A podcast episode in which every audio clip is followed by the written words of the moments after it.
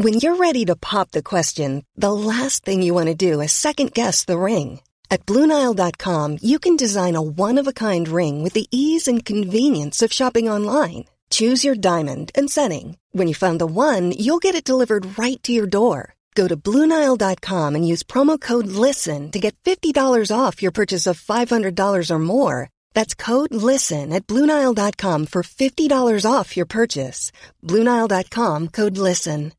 Hey, I'm Ryan Reynolds. At Mint Mobile, we like to do the opposite of what Big Wireless does. They charge you a lot, we charge you a little. So naturally, when they announced they'd be raising their prices due to inflation, we decided to deflate our prices due to not hating you.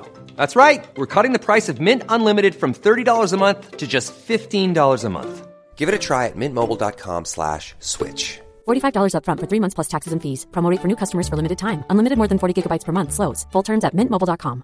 Planning for your next trip? Elevate your travel style with Quince. Quince has all the jet setting essentials you'll want for your next getaway, like European linen, premium luggage options, buttery soft Italian leather bags, and so much more. And is all priced at 50 to 80% less than similar brands. Plus, Quince only works with factories that use safe and ethical manufacturing practices.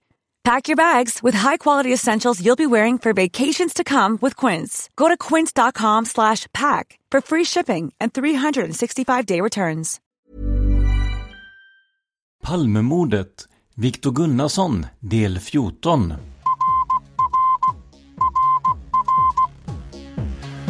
Sveriges statsminister Olof Palme är död. 90 000. Ja, det är mord på Sveavägen. Hörde de säger att det är Palme som är skjuten.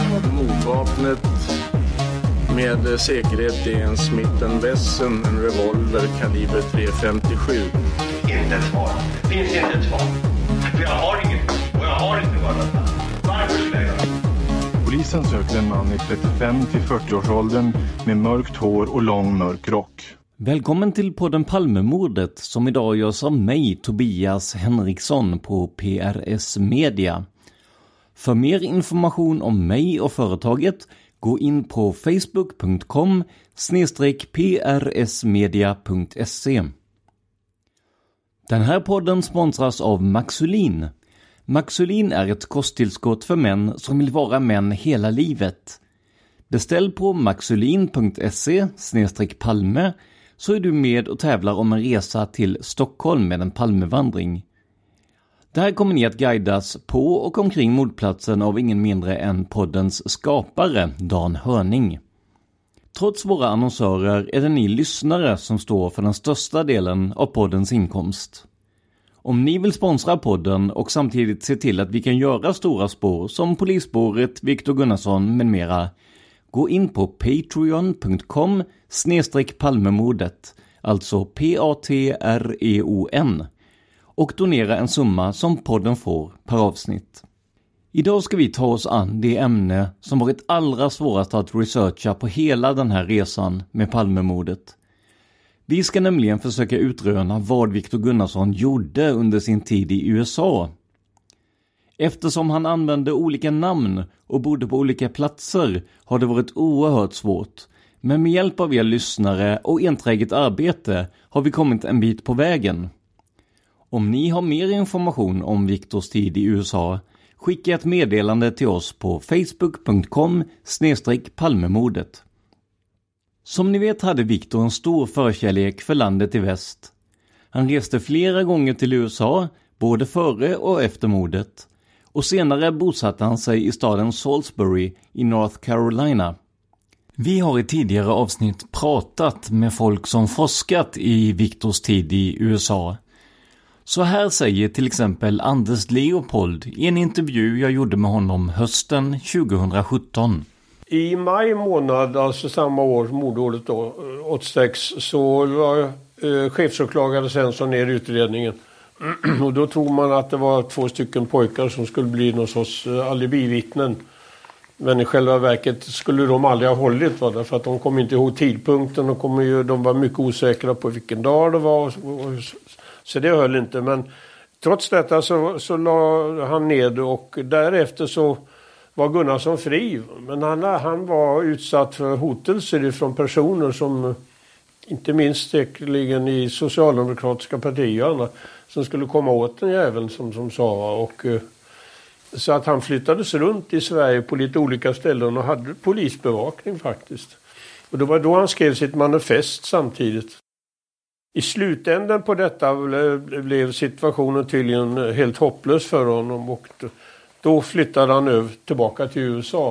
Och det, där är ju ett gåta som är fullständigt obegriplig. Han får alltså både uppehållstillstånd i USA och han får eh, Eh, arbetstillstånd. Och det är alltså en person som inte har en egen ekonomi, han har inga pengar. Utan det var hans pappa som försörjde honom. Och han, eh, ja, han hade i stort sett ingenting annat där. Och jag hävdar fortfarande att eftersom det här är en kombination hela tiden med både de sydafrikanska underrättelsetjänsten och CIA och annat så hade han sådana kontakter att han, att han fick den möjligheten att ta sig undan. Och där lever han ju loppan ordentligt. Alltså han är tillsammans med två av killarna där som är deras hustru före detta. Och han, han skapar en förfärlig situation för sig själv. Och, och, med de här kvinnorna som är otrogna med honom. Så att han var ju en kvinnornas man som de sa. Eh, där nere. Ni som lyssnade på avsnittet VG och kvinnorna del 3, Exfrun, hörde henne berätta lite om tiden i USA. Här kommer en uppfräschning. Men han säger nej, vi kan ta, och gifta oss och vi åker till Amerika. Han har ju sin eh, farbror eller morbror, jag vet inte. I alla fall. Ja. Så vi åkte dit och vi vi trodde att vi skulle stanna där. Okay. Men eh, jo, då, det var då så att eh, jobbet, okej, okay, jag kunde lite engelska men inte perfekt. Mm. Jag fick i alla fall jobba inom restaurangbranschen som här i Sverige. Och eh, han, jo, han vill inte jobba och få fem Eh, dollar i timme eller eh, som minimum var 3,95 eller något sådant. Nej, han ska inte ha. Han ska minimum 15 dollar i timme. Så han skulle ju kunna undervisa i språk och så vidare. Men eh, han kunde inte hitta klientel. Uh, för människor har gått igenom honom direkt. Du vet, och, jo, som till exempel, ja vad ska han göra, vad ska han göra? Så här säger hans exfru till Aftonbladets Bert Willborg den 12 mars 1986, det vill säga samma dag som Gunnarsson anhölls. Allting tyder på att det är den tidigare nämnda Jeanette, men det är svårt att verifiera utifrån uppgifterna i artikeln. Artikeln är tidigare publicerad i Anders Leopolds bok Jag sköt Olof Palme. Citat. Exhustrun. Jag är så rädd för min exman efter skilsmässan. De separerade 1981 men skildes åt 1978 då de flyttade till Sverige, Anders Leopolds kommentar. Att jag ändrade allt i Stockholm, bostad, telefonnummer, jag färgade till och med håret. De flesta i vårt område var invandrare från Mexiko och Guatemala. Min förre man trivdes där. Han gjorde som alltid annars, han pratade med folk. Han är ju mycket språkbegåvad och fick en chans att använda sin spanska. Det var hans stil, att bara gå på någon på gatan och söka kontakt. Det gjorde han ofta. Han ville ha vänner, men fick det sällan. Om än någon gång, ja, några. Inte en enda gång när vi var gifta presenterade han någon vän. Inte ens när vi gifte oss kom någon. Hans föräldrar och släktingar och deras vänner var med, dock inte en enda ung människa. Alla tröttnade snabbt på hans fantastiska fantasier. Jag orkade inte heller med dem till slut. Men han var trevlig på sitt vis och jag gav honom många chanser. För honom är USA ängeln och Ryssland djävulen. Jag vet hur aggressiv min exman är och hur illa han tyckte om Palme. Han inbillade sig till och med att Palme skulle göra Sverige till ett nytt Ryssland och stänga gränserna så att ingen skulle kunna lämna landet. Men han har aldrig kommit på idén att döda Palme själv och har han gjort det måste någon ha fått honom att göra det. Han är mycket lätt manipulerad. Jag kan absolut tänka mig att någon övertygat honom om att Palme var djävulen själv. Han ändrade åsikter så ofta och har direkt fascistiska idéer.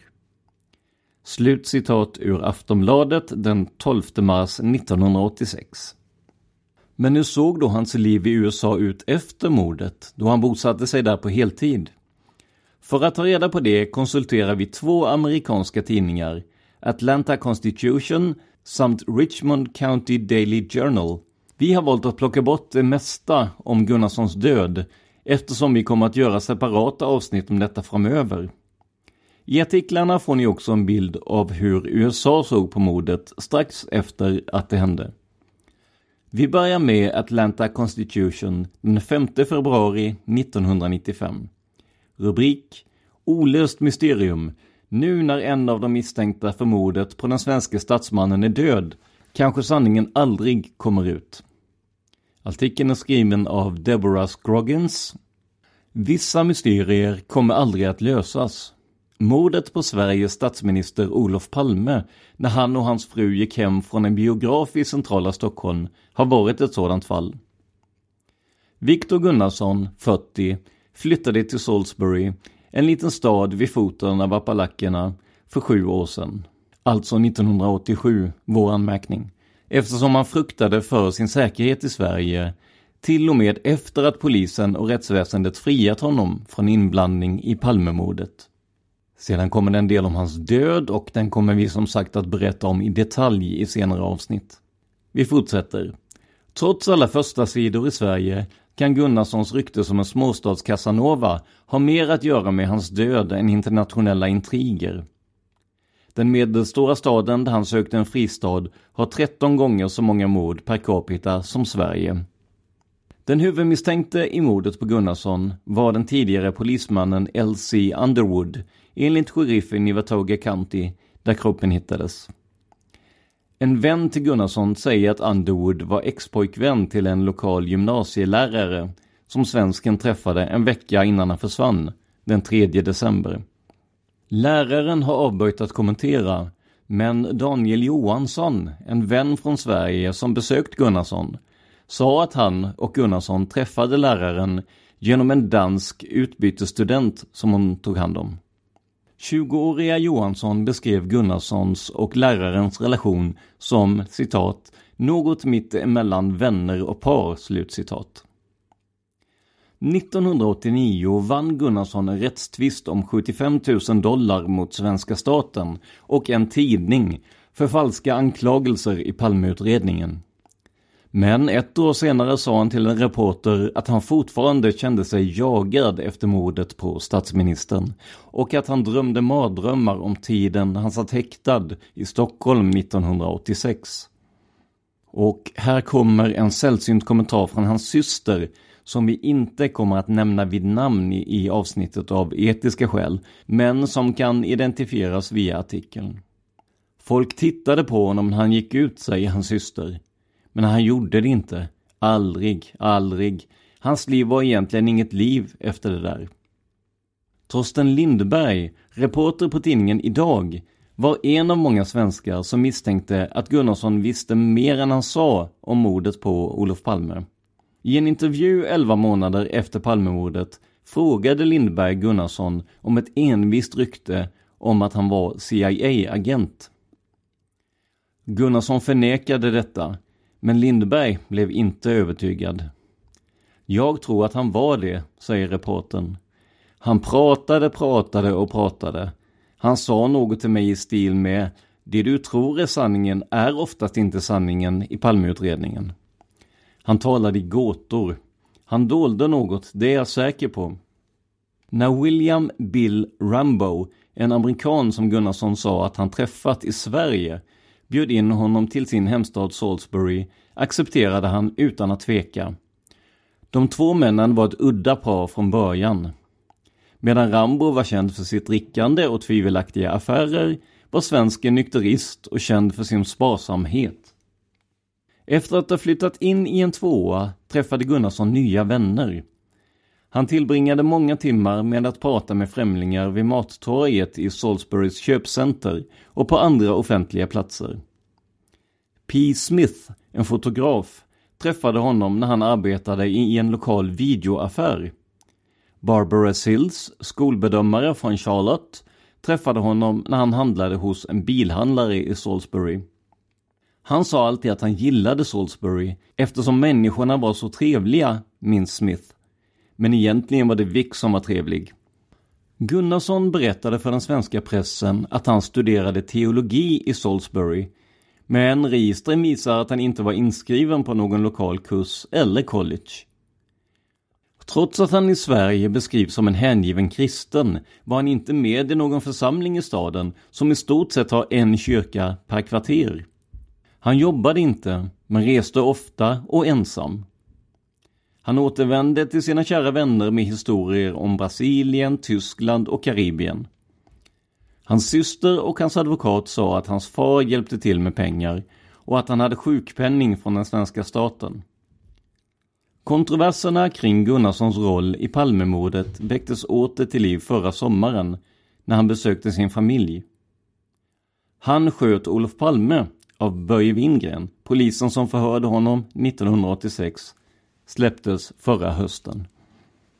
Wingren bytte ut hans namn i boken, men Gunnarsson planerade ändå att stämma honom för förtal. Jag kommer aldrig att få möjligheten att bli en vanlig människa igen, sa han till sin advokat Henning Sjöström. Nu jagar de mig vart jag än går. Där avslutar vi artikeln ur Atlanta Constitution den 5 februari 1995. Den andra artikeln som skriver om Victor Gunnarssons tid i USA är alltså Richmond County Daily Journal och artikeln är från söndag den 10 december 1995. En sak verkar säker när vi pratar om Victor Gunnarsson. Den stilige, världsvane och atletiske före detta skidinstruktören var en kvinnornas man. Några månader efter att han dött kom en före detta flickvän från Sverige till hans lägenhet i Salisbury för att ta med sig hans saker till hans föräldrar i Sverige. En reporter från Salisbury frågade kvinnan vilken sorts relation hon haft med Gunnarsson. Artikelförfattaren hävdar att kvinnan rodnade och sa samma som alla hans andra kvinnor. Han dejtade aldrig en kvinna mer än två veckor åt gången, sa Bonnie Smith. Sedan berättas en del om mordet som vi redan vet sedan innan. Bland annat säger svenska utredare att det här är vår JFK-utredning. Vi får också en beskrivning av hur amerikanerna såg på Palme och Victor Gunnarsson. I sin bok Cruel Awakening, Sweden and the Killing of Olof Palme från 1991 beskriver Chris Mosey Gunnarsson som citat en svensk som var en utstött i sitt eget land. Slut citat. Mosey skriver citat Gunnarsson hade en djup religiös tro och anslöt sig en gång till Europeiska arbetarpartiet som, sitt namn till trots, var en högerextrem grupp som grundades av amerikanen Lyndon H. LaRouche. De hade startat en hetsk kampanj mot Palme som ömsom beskrev honom som folkdiktator, ömsom som djävulen av alla jävlar. Slutligen tröttnade Gunnarsson på den dåliga publiciteten i Sverige. Han träffade William Bill Rambo, en affärsman från Salisbury, som han mött i skidbackarna i Sverige och Gunnarsson bestämde sig för att flytta till USA och starta ett nytt liv. Hans relation till Rambo verkade inte ha gått bortom vanlig vänskap. Gunnarsson ansågs generellt vara heterosexuell. Gunnarsson fick snart ett antal vänner av båda könen i Salisbury, medan Rambo inte fick någon central plats i gruppen. Även om alla Vic Gunnarssons vänner i Salisbury undrade hur han försörjde sig själv, kunde stödet knappast komma från Rambo, som tidigare drev och ägde en kemtvätt och ett antal sjukhem som gick i konkurs 1998 ungefär vid samma tid som Gunnarsson kom till Salisbury. De fortsatte dock vara vänner och Rambo var känd för att ge mindre gåvor till Gunnarsson. Gunnarsson var en gåta för vännerna i Salisbury. Han berättade olika historier om sina aktiviteter och sina planer. Till några sa han att han jobbade som översättare och språklärare åt elever i Catawba, Livingstone och andra gymnasier. Han hade visitkort som underströk detta. Men det var aldrig någon som såg honom jobba och utredarna som undersökte hans död kunde inte hitta några tidigare elever. Han ansökte aldrig om ett green card som behövs för att som invandrare försöka jobb i USA. Till andra vänner sa han att han studerade teologi på heltid. De sa att han berättade att han var en hängiven metodist som ville medverka i församlingen. Men han var aldrig antagen vid någon skola i Salisbury-området och faktum är att han aldrig sågs besöka kyrkan. Märkligt nog står det ofta i det som skrivs om honom i Sverige att han var en protestantisk kristen. Hans begravning hölls i en baptistkyrka och det var bara 20 personer närvarande. Hans vänner sa att Gunnarsson åkte tillbaka till Sverige varje år för ett besök. Resor som kan ha finansierats av hans föräldrar, Gunnar och Ann-Marie O från hemort Sverige, som påståtts varit rika. Men det verkar inte som att de stöttat honom ekonomiskt. Vi väljer här att inte nämna föräldrarnas eller Viktor Gunnars. It's that time of the year. Your vacation is coming up. You can already hear the beach waves, feel the warm breeze, relax and think about work. You really, really want it all to work out while you're away. Monday.com gives you and the team that peace of mind. When all work is on one platform and everyone's in sync, things just flow wherever you are. Tap the banner to go to Monday.com. If you're looking for plump lips that last, you need to know about Juvederm lip fillers. With Juvederm Volbella XC and Juvederm Ultra XC, your lip look, whether it's subtle or bold, can last up to one full year with optimal treatment and no additional maintenance. Find a licensed specialist and see if it's right for you at juvederm.com today. That's J U V E D E R M.com. Add fullness to lips in adults over 21 with Juvederm Volbella XC or Juvederm Ultra XC. Do not use if you have severe allergies or a history of severe allergic reactions, or if you're allergic to lidocaine or the proteins used in Juvederm. Tell your doctor if you have a history of scarring or taking medicines that decrease the body's immune response or that can prolong bleeding. Common side effects include injection site redness, swelling, pain, tenderness, firmness, lumps, bumps, bruising, discoloration, or itching. As with all fillers, there's a rare risk of unintentional injection into a blood vessel, which can cause vision abnormalities, blindness, stroke, temporary scabs, or scarring. For full important safety information, visit juvederm.com. Millions of people have lost weight with personalized plans from Noom, like Evan, who can't stand salads and still lost 50 pounds. Salads, generally, for most people, are the easy button, right? For me, that wasn't an option. I never really was a salad guy. That's just not who I am. But Noom worked for me. Get your personalized plan today at Noom.com. Real Noom user compensated to provide their story. In four weeks, the typical Noom user can expect to lose one to two pounds per week. Individual results may vary. Sons hemort och heller inte föräldrarnas efternamn, detta av etiska skäl. Några vänner trodde att Gunnarsson levde på den ersättning han fick från svenska staten som felaktigt anklagad. Men överenskommelsen gav honom bara ungefär 20 000 dollar och det kan han inte ha levt på speciellt länge. Med intill visshet gränsande säkerhet fick han inget stöd av Europeiska arbetarpartiet. Sådant stöd skulle ha lämnat efter sig papper som utredarna kunde snokat reda på. Men Gunnarsson kan också ha jobbat som översättare lärare och han kan ha haft andra deltidsjobb som hans vänner inte kände till.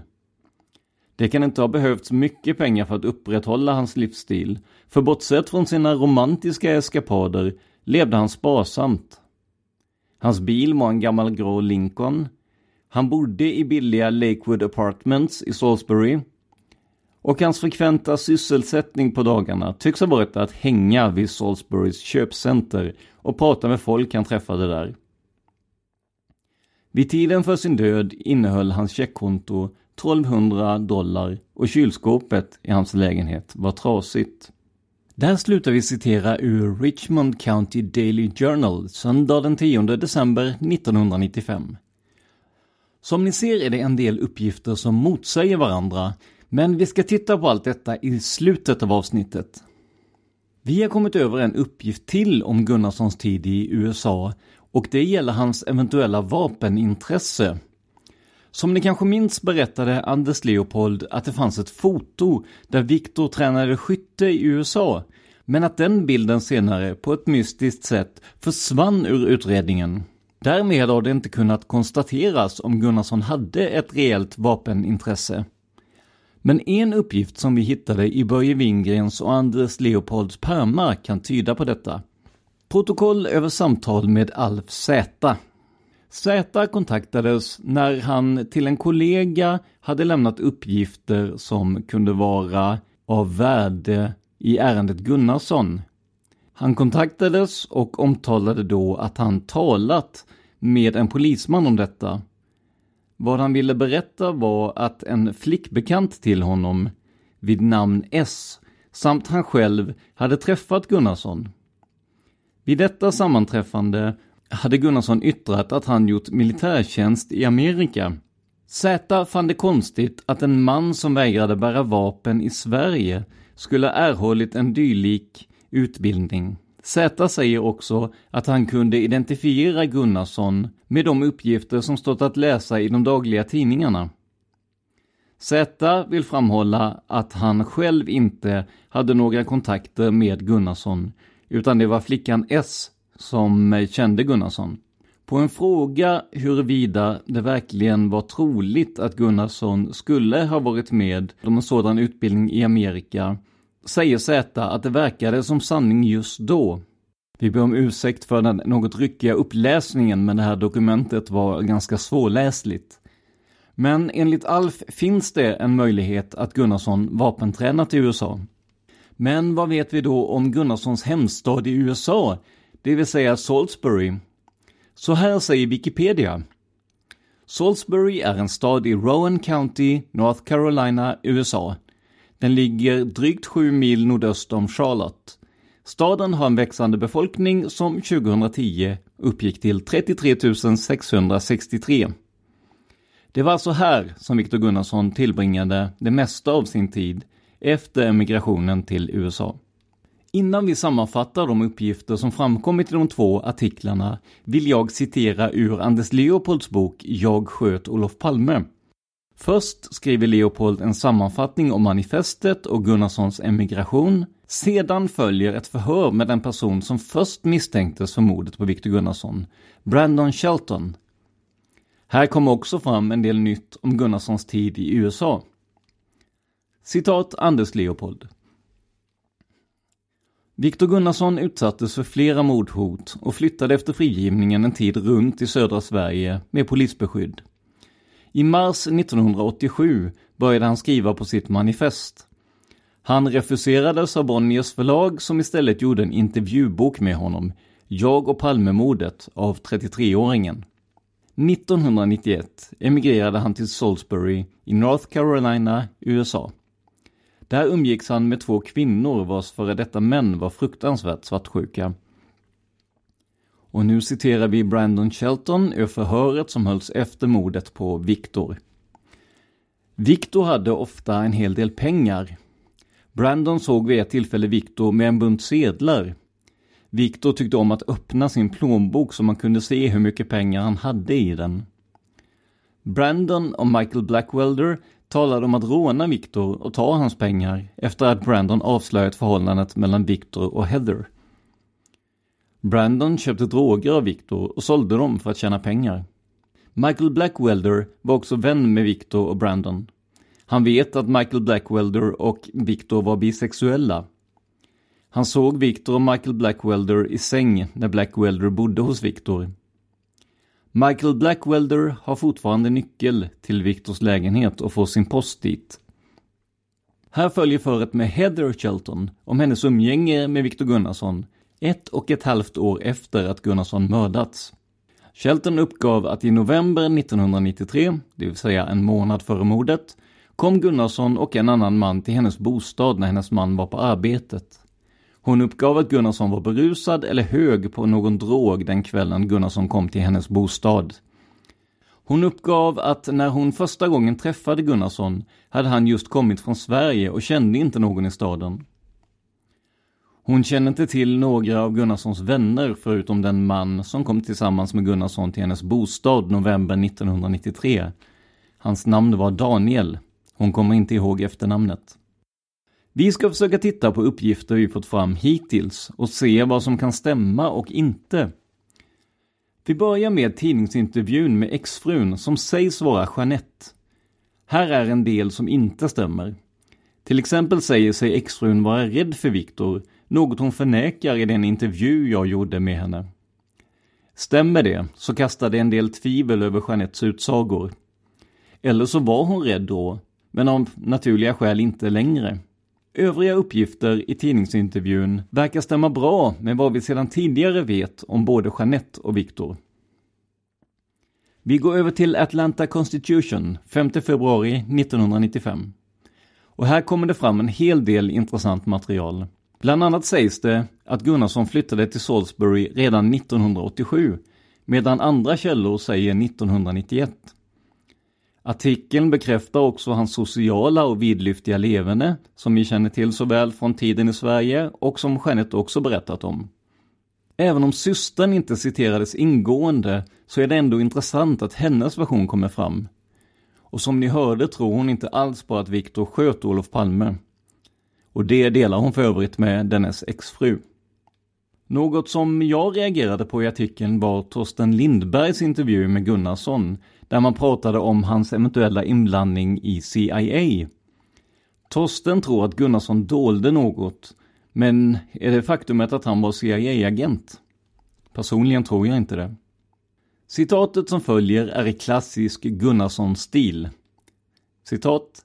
Det du tror är sanning är oftast inte sanning i Palmeutredningen. Slutcitat. Och det är jag säker på att många av er som lyssnar kan hålla med om. William Bill Rambo är en intressant karaktär som förekommer i båda de amerikanska artiklarna. Det var som sagt han som tog Gunnarsson till USA. Vi har sökt denne Rambo, men inte fått svar. Troligen är han idag avliden. Sekvensen med Rambo visar också på hur Gunnarsson drogs till sin egna totala motsats. Rambo var ju inte direkt en kristen nykterist. Ett påstående som Jeanette kom med i min intervju med henne var att Victor startade en egen sekt i USA. Det kan förstås stämma, men han läste i alla fall inte teologi i USA, enligt tidningarna. Inte heller gick han i kyrkan, om han nu inte hade sin egen religion.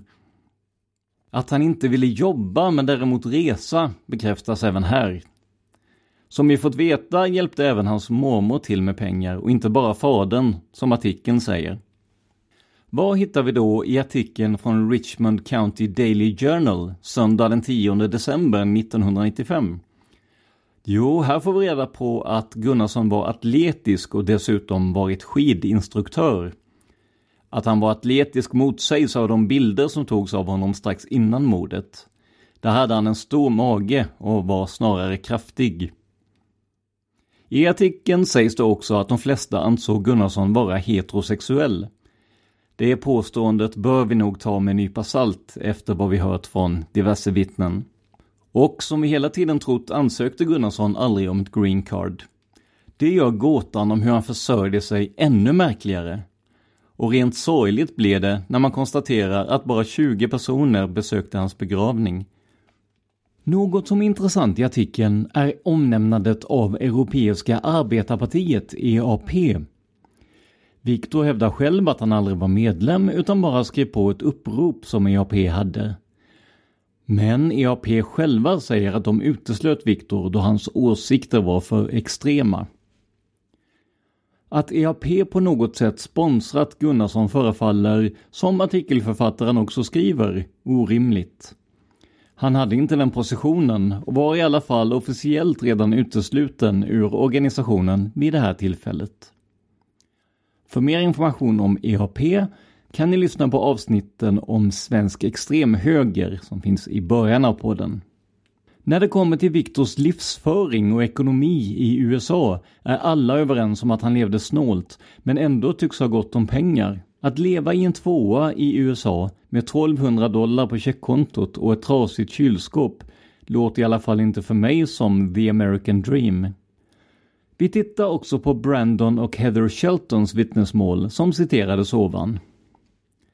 Här bekräftas än tydligare att Victor kunde tänka sig relationer med både män och kvinnor. Här framkommer även en uppgift om att Gunnarsson inte var så emot alkohol och droger som han har velat låta påskina. Heather säger ju att han verkade berusad eller hög. Det verkar faktiskt också som att Viktor sålde droger om man ska tro vittnesmålen. Men detta kan vi såklart inte veta med säkerhet. Så här sa Anders Leopold till mig hösten 2017 när jag påtalade att Viktor Gunnarsson kanske inte levde så gudfruktigt som han ville få det att se ut som. Nej, det kan man väl kanske påstå. Jag menar just i hans liv i USA, eh, i Salisbury, det är ju omvittnat att han eh, sålde narkotika till den här Brandon. Brandon berättade i sitt förhör att han köpte av Gunnarsson och att Gunnarsson hade mycket pengar. Eh, polisen, har jag, jag läst ett protokoll från polisundersökningen, eller polisens eget eh, sammanställning. Där, de vis, där det visar att eh, de var mycket förvånade över att den här mannen kunde eh, röra sig som han gjorde. Han reste till Miami. Det kan man ju säga är narkotikans stora högborg. Eh, flera gånger alltså. Och var han fick pengar ifrån det var ju också en stor gåta. Men eh, FBI var inkopplade på det här och man ansåg att det rörde sig om narkotikahistorier. Så hade, hade han levt eh, vidare så hade han förmodligen gripits för narkotikabrott och sen hade han eh, varit väldigt illa ute. Deras eh, förvåning över att han hade pengar är ju helt märkligt. Och det, det säger ju en del om att han måste ha gjort affärer. Redan tidigare så eh, reste han till Indien, han reste till Libyen, han reste till USA, Israel, jag minns inte allt. Var fick han pengarna ifrån? Ja, i de resorna tror jag hans pappa finansierade väldigt mycket. Hans pappa hade ju eh, hade en verksamhet där han tjänade mycket pengar och hade råd. Och ville väl att han skulle få, få, få komma ut. Men det vet man inte heller därför att det finns alltså upplysningar som säger det i Stockholm bland annat en person på en resebyrå som kände Gunnarsson och hans resor. Som sedan själv, den personen, blev involverad i, i eh, narkotikahistorier. och där kan det finnas en kombination alltså att han eh, helt enkelt åkte ut och plockade hem lite. Det är mycket, mycket, mycket troligt. Till sist kommer vi till den famösa Daniel Johansson som ibland sägs vara kusin, ibland vän till Gunnarsson. Vi har försökt identifiera honom, men han har ett av Sveriges vanligaste namn och det är inget som säger att han ens är kvar i Sverige idag. Daniel, som initialt förhördes om mordet på Gunnarsson, förblir alltså en gåta.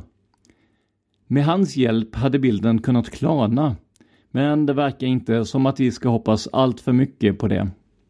Och apropå materialet i dagens avsnitt. Vi vill gärna få in mer information om Gunnarssons tid i USA. Så om ni kommer över något, bara skicka ett meddelande till oss på facebook.com palmemordet. Palmemordet finns även på Youtube. Bara sök på Palmemordet. Och eh, glöm inte bort att vi fortfarande sponsras av Nextory, precis som tidigare. Nextory är en tjänst för ljudböcker och e-böcker.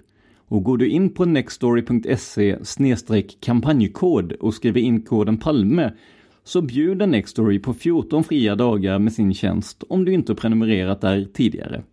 På Nextory finns bland annat Olof Palme är skjuten av Hans Holmer. Boken är Holmers omtalade debut från 1988 en självbiografi han skrev ett år efter att han hade avgått som spaningsledare för Sveriges största polisutredning genom tiderna. Mordet på statsminister Olof Palme.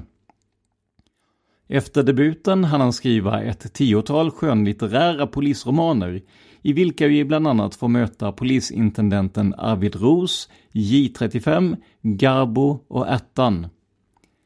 Ett snabbt citat ur boken. Citat. Han känner Tunnelgatan och trapporna upp till David Bagares gata som sin egen ficka. Klarar han sig upp för trapporna är han i säkerhet. Han tar det sista beslutet. Han tar fram revolven ur jackan. Han spänner hanen. Slut citat. Next story har också ett flertal böcker av den tidigare gästen i podden, Gunnar Wall. Bland annat Mordgåtan Olof Palme och Konspiration Olof Palme. Så nextory.se alltså. Innan vi slutar vill jag passa på att tacka några lyssnare som hjälpt mig att genomföra det här avsnittet.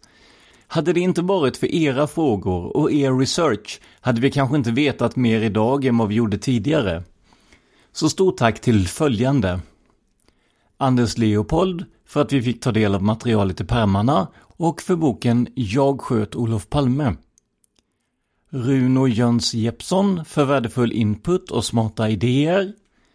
Samt Marcus Nyman för hjälp med research och tidningsartiklar.